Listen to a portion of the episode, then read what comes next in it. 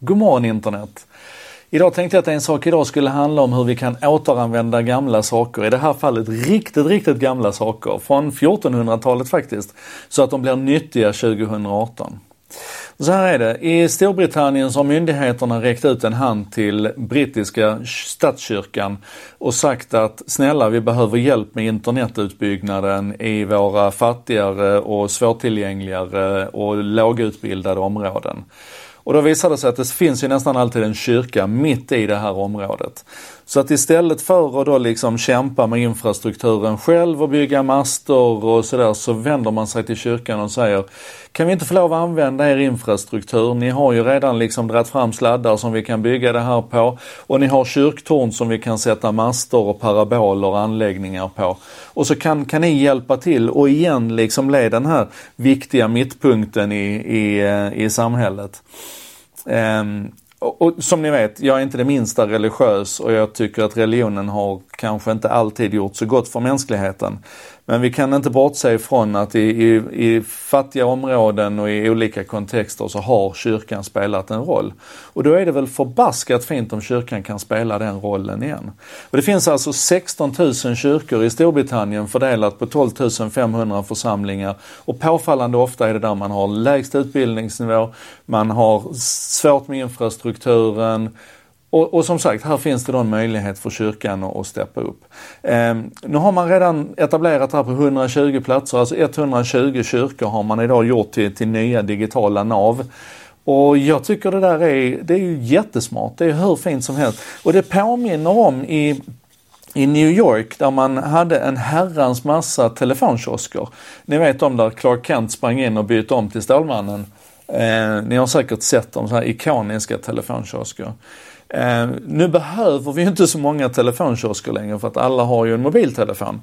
Eh, och då står man liksom inför att, att riva de här. Men så tänkte man till och sa, men vänta här nu, tänk om vi ska använda den här infrastrukturen och återanvända den och göra wifi-punkter av de här. Och sagt och gjort, det har man gjort nu. Jag kommer inte ihåg det exakta antalet men det är ganska många gamla telefonkiosker i New York som då har blivit ombyggda till wifi-stationer istället med, med deras fria wifi och man har så man kan ladda, där är USB-laddare och, och så är det.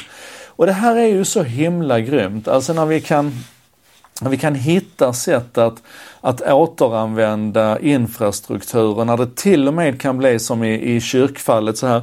Man brukade samlas fysiskt runt kyrkan och den hade en viktig position som en del av någon slags upplysning. Och nu gör vi samma sak fast i en digital kontext. Eller som de här gamla fysiska telefonkioskerna där vi gick in och tog en sån här bakelitlur för att, att ringa hem till mamma. När vi inte behöver den för att ringa längre så kan vi fortfarande använda den för att kommunicera.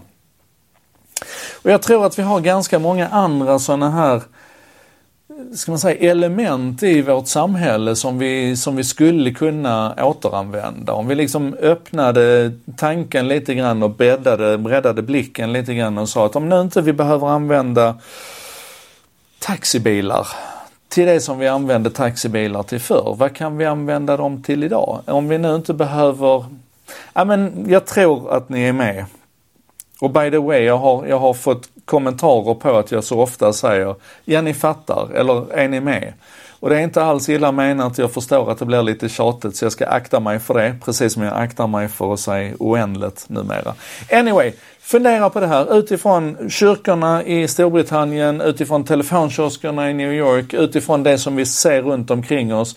Vad finns det i vår infrastruktur som vi kan återanvända för att flytta oss från fysiska funktioner som behövdes förr till digitala funktioner som behövs idag.